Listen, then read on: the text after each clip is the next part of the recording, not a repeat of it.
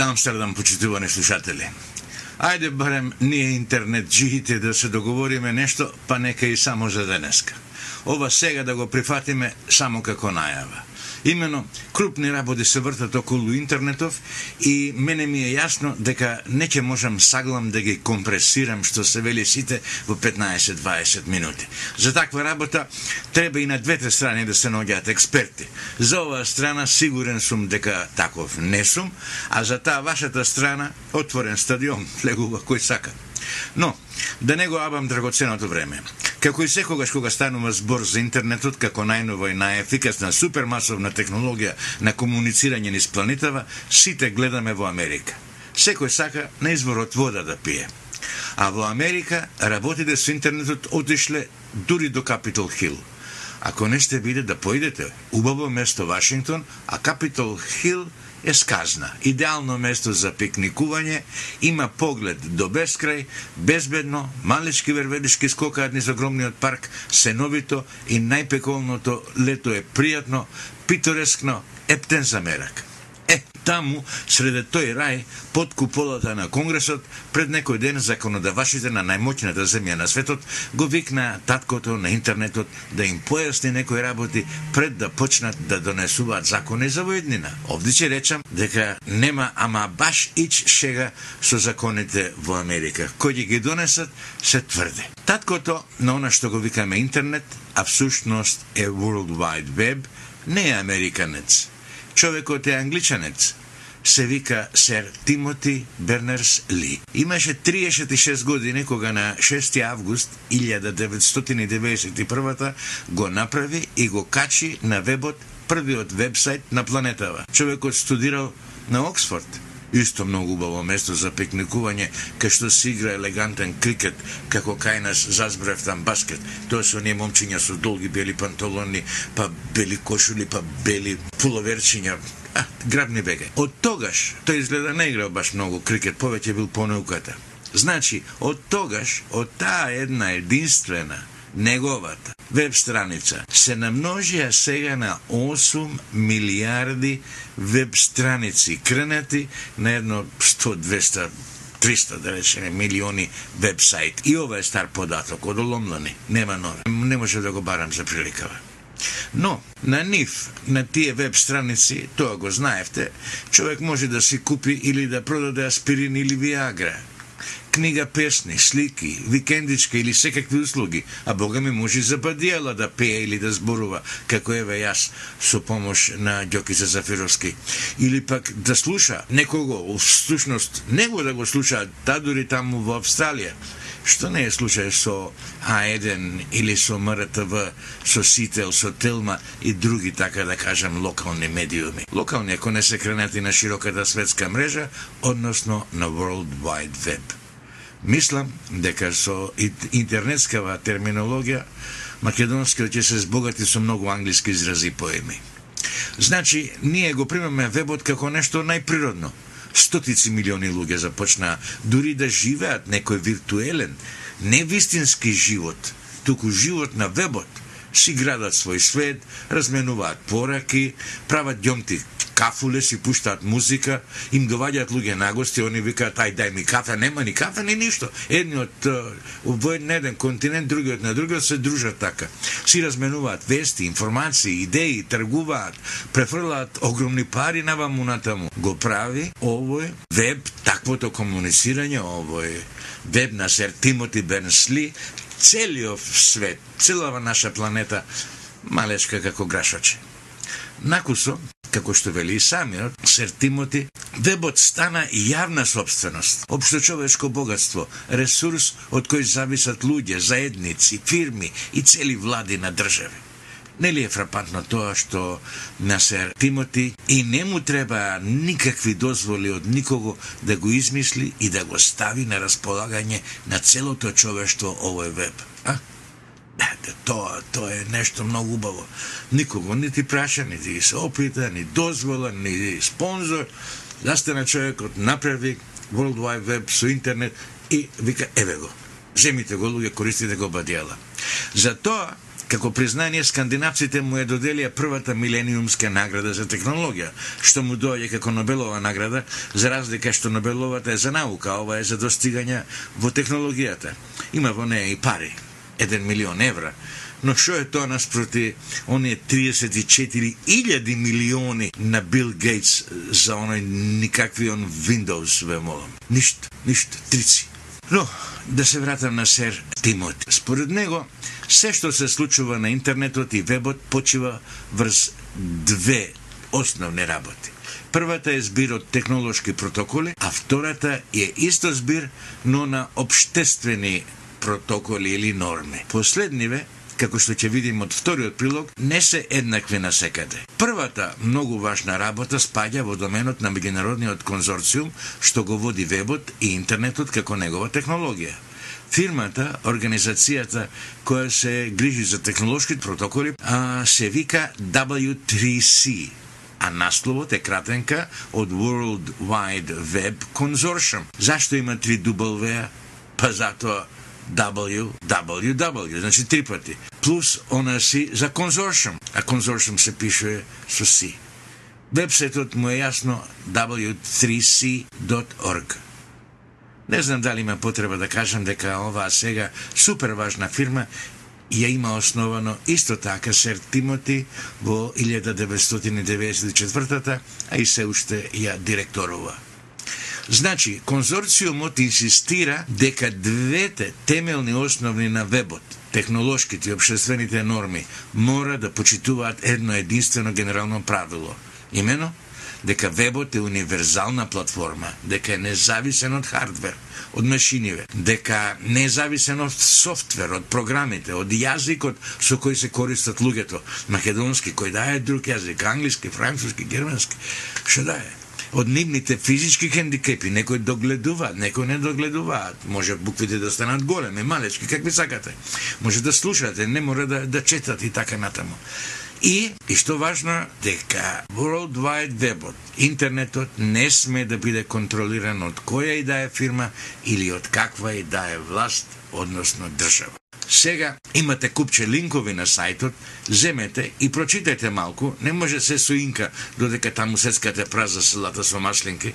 Ајде ве молам, како беше она, па купите една шлос, земете, прочитајте нешто и ќе биде, биде се тоа јасно. Конгресмените и сенаторите исто сака да чујат што крчка за утре на вебот. Тој застане и му одржа три пати подолго предавање за развојот и базичните вредности на вебот, отколку што е ова јас сега што го зборувам и дури на крај прејде на она најважното. Но, јас не сум сер Тимоти Бернерсли, да ве замајувам волку многу додека дојдеме до најбитното. Се да бидем искрени, не сте ни вие конгресмени ни сенатори, ама ајде, нема врска, нека мине од мене. Таткото на интернетот значи вели дека иднината на интернетот е во создавање на семантичен веб, мрежа низ која ќе комуницираат апликации, низ која илјадници фармацевти, доктори, научници, одеднаш ќе може да работат врз еден проблем и ќе можат инстантно да се вклучуваат на рамниште на најнапредната идеја и солуција со тоа што сите нивни апликации ќе бидат изврзани еден со друг. Семантичниот веб ќе може да се гледа и на цел дзид во собата, зашто тогаш плазма екраните ќе бидат ефтини, како тапети, да речеме денес. Со други зборови, господин Лјупчо Георгиевски, нашиот спикер, ќе може да растегне такво едно големо платно пред собрание, надвор ќе се гледа пубаво сите агли, со драматични изрази на говорниците, отколку да сте натре во пратеничките клупи.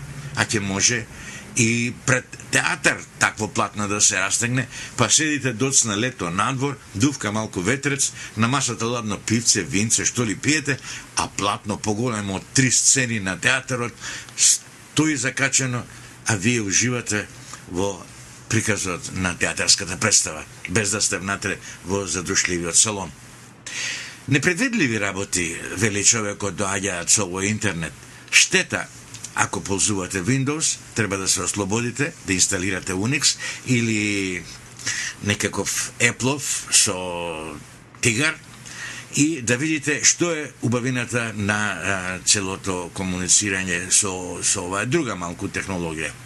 И со она што го зборувам Unix, кој што е бесплатна а, платформа дури и сер Тимоти лично моли да не му се испраќаат имейли со Word или пак со каков и да е Microsoft Office uh, софтвер. Први заразувачи уништувачи на програми и податоци во компјутерот. Е, не, појдете му на хомпејџот и ќе видите и си самите. Но, доста за Тимоти, тој е, им кажа на американците дека целата работа на, на, на Конгресот му кажа дека целата работа се врти кон семантичниот веб. А, а сега по едно мало информецо ќе може да појдеме во Кина.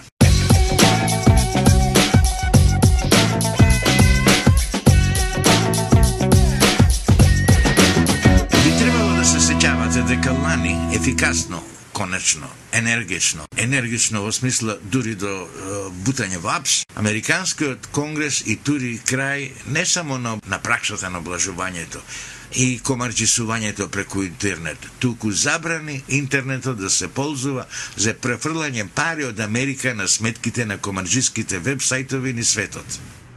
Оние штосови како фирмата ми е во Кипар, во Бахама, Таити, Тимити и така натаму, не вреде кај американци. Ако фатат дека американец може, не мора, може, да ја задолжи својата кредитна картичка за плаќање покер чипови во Никозија или не знам каде, ајде у Бајбук менаджерот на кредитната картичка. Па ако сака и Бобо Лепи, нека биде у Бајбук.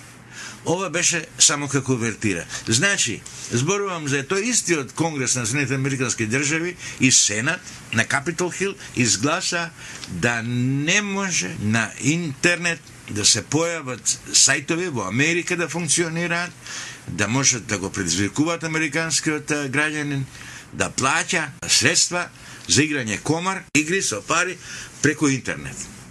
Е, тоа ми беше поинтата да го запамтите како детаљ. Сега можеме на кај Пекинг во Кина.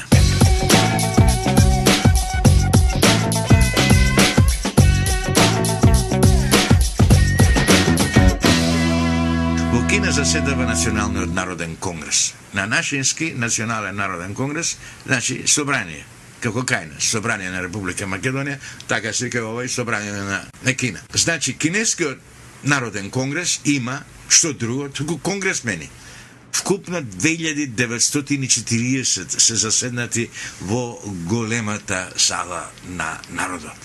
Тие неделава изгласа ограничувања за употребата виртуални пари, значи божемски пари што се вртат по разни интернет игри. Ети тие скоро како американците, ама со друга цел.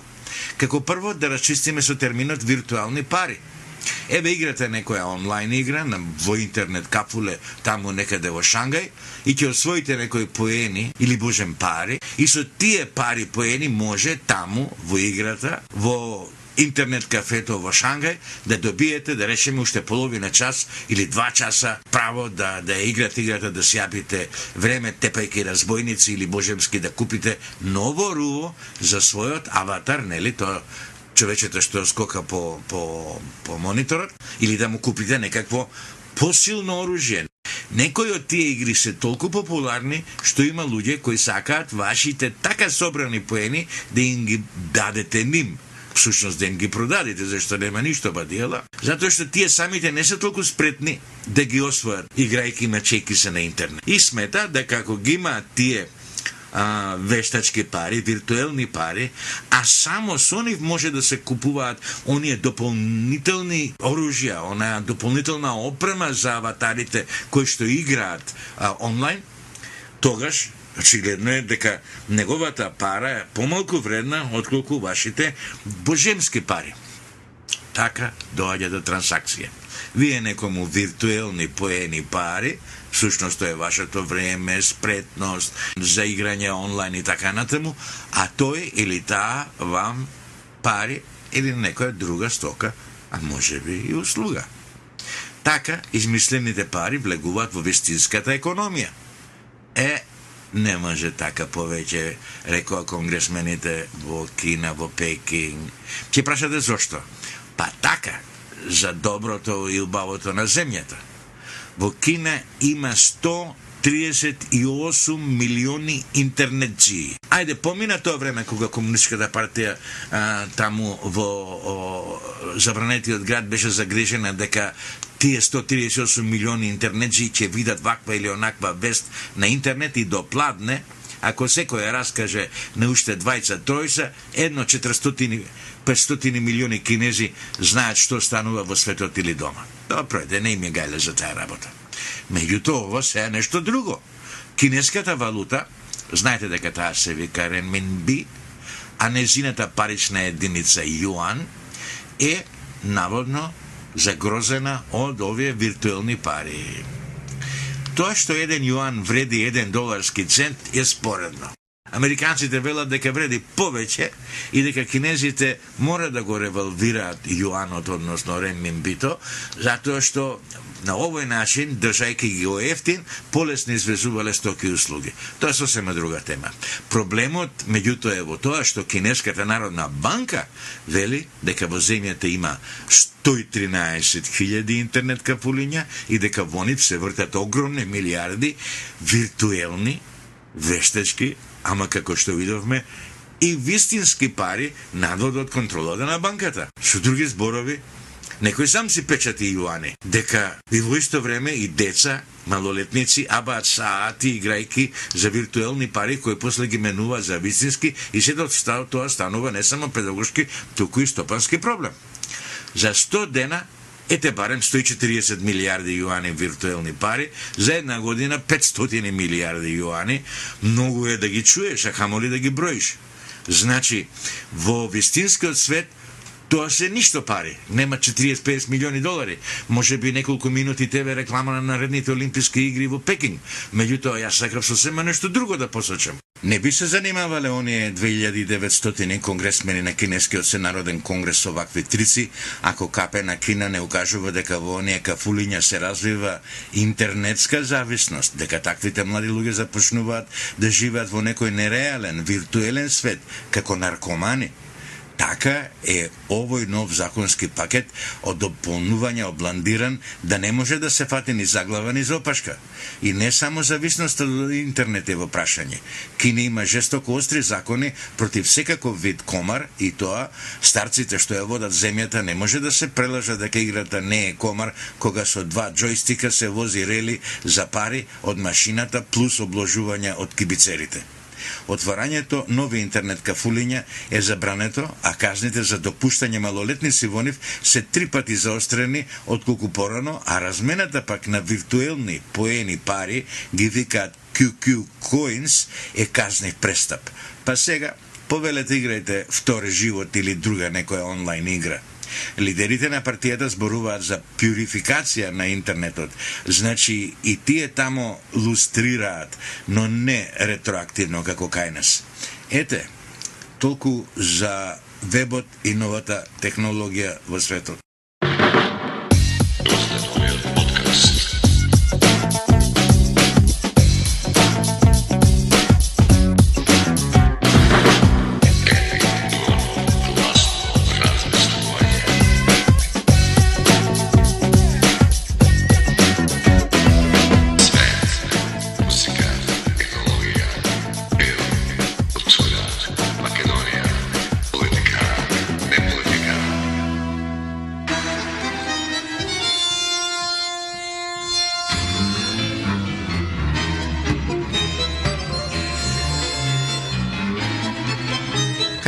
Соседството има една стара, шармантна кафеана.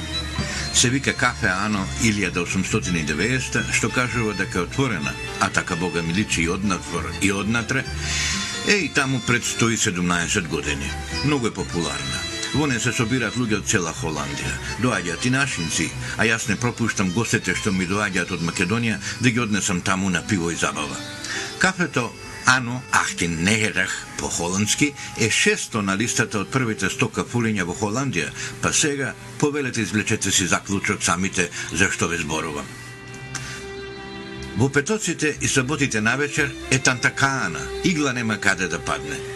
Еден убав, миризлив женски свет, раскош да не ви раскажувам, сите млади цвеќарки од Алсмир тука до нас, едно село по моја официјално најголема берза на цвеќе за во светот, се собираат овде. Пони доаѓаат и момчињата од Алсмир, ама немаат шанса зашто се знаат убаво кој е и што е. Локалните гледаат по оние кои доаѓаат од Амстердам, а и од подалеку. Таква му е репутацијата на Кафулево. Место за брзи средби, малку дринк, малку клатање со музика, па новоспарените джаде во ноќта. А местово е 6 октави за муштери од 28 до 68 години. Царство. Минатиот петок бев пак со некое друштво и едно време слушам една бемкајлија амазонка нешто коментира за принцезата Максима, била повторно бремена, идната кралица на Холандија. Таа, Максима, е расна аргентинка и е многу популарна, особено по незината трогателна свадба. Тогаш, оној Макс Вандерштул, кого и ние имавме несреќа да го запознаеме, онака напуден од другите бивши југословенски републики, уреди татко и на Максима да не смее да дојде на свадбата на својата керка љубеница. Имено, човекот бил министр за замјоделие во владата на некој диктаторови дела таму пред десетици, 20-30 години или така нешто. Беше тоа скандал, но холандјаниве го преголтаа. Арно ама, кога дојде церемонијата во црквата и архиепископот па и кардиналот зедо да го благословуваат кралскиот брак, рони солзи Максима пред телевизиските камери и трпи свадба без жив татко. Таткото, според дадетот, нели, треба да ја однесе керката до младоженецот пред олтарот во црквата. Мислам дека како одмазда врз Макс Вандерштул од тој ден исчезна типот од Холандија, Максима изведе една нумера. Во црквата одеднаш одек на акордеон со аргентинско танго, цепи срца музиката, рони вистински солзи принцезата, незаборавна сцена. И стана тоа танго, се века Адиос Нониньо, символ на скашеното срце на принцезата Максима, а едновремено и погребен марш за Макс Вандерштул во Холандија.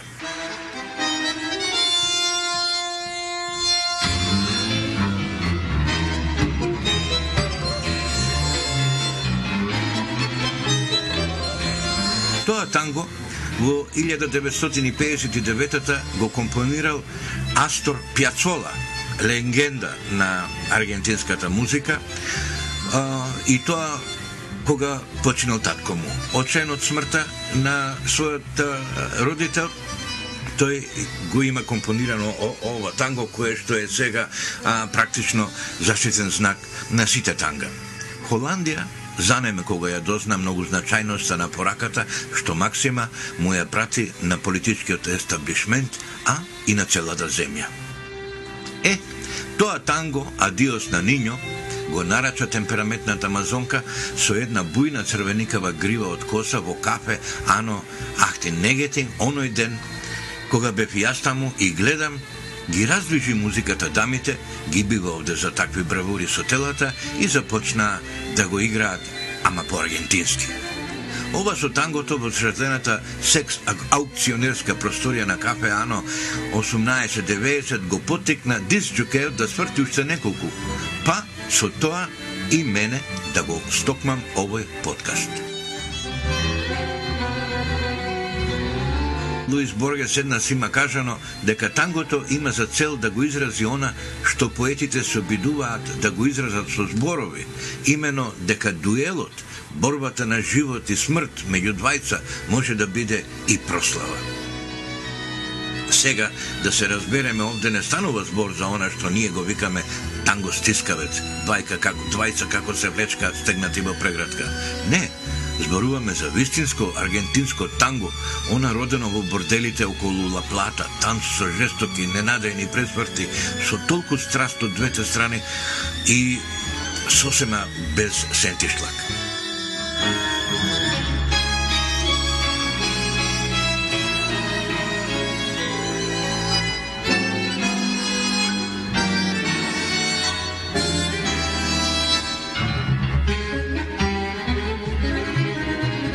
Едно време тангото беше толку влезено во крвта на луѓето, што радиостаниците ни светот го отстранија тангото Gloomy Sunday на англиски, кај на стажна е неделата, зашто наводно ги поттикнувало самоубиствените мисли на луѓето.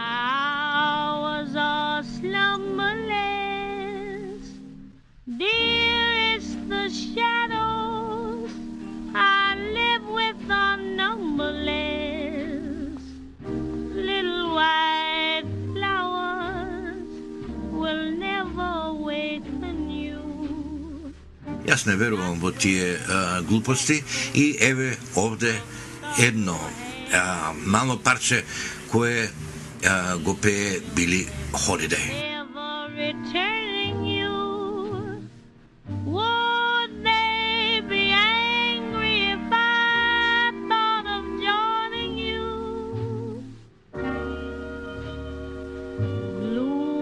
Ние, меѓутоа, повеќе сакаме една друга, да речам, шпанска верзија на тангото.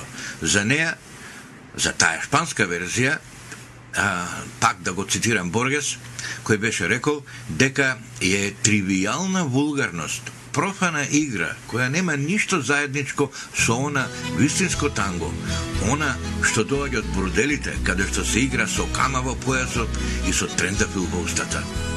Но се се менува a za ta španska verzija na kako Julio Iglesias. En este tango que es burlón y compadrito, si a todos alas la emoción de mi suburbio. Con este tango nació el tango y como un grito salió del sórdido barrial buscando el cielo. Conjuro extraño de un amor hecho cadencia que abrió caminos sin más ley que su esperanza mezcla de rabia, de dolor, de fe, de ausencia, llorando en la inocencia de un ritmo juguetón. За накрај, еве го и а, Ѓорѓе Балашевиќ, кога немаме наши кои пеат танга во класичен шпански стил. Tango argentino igrali smo mi sate nismo brojali tango argentino tango ljubavi život nas povino sate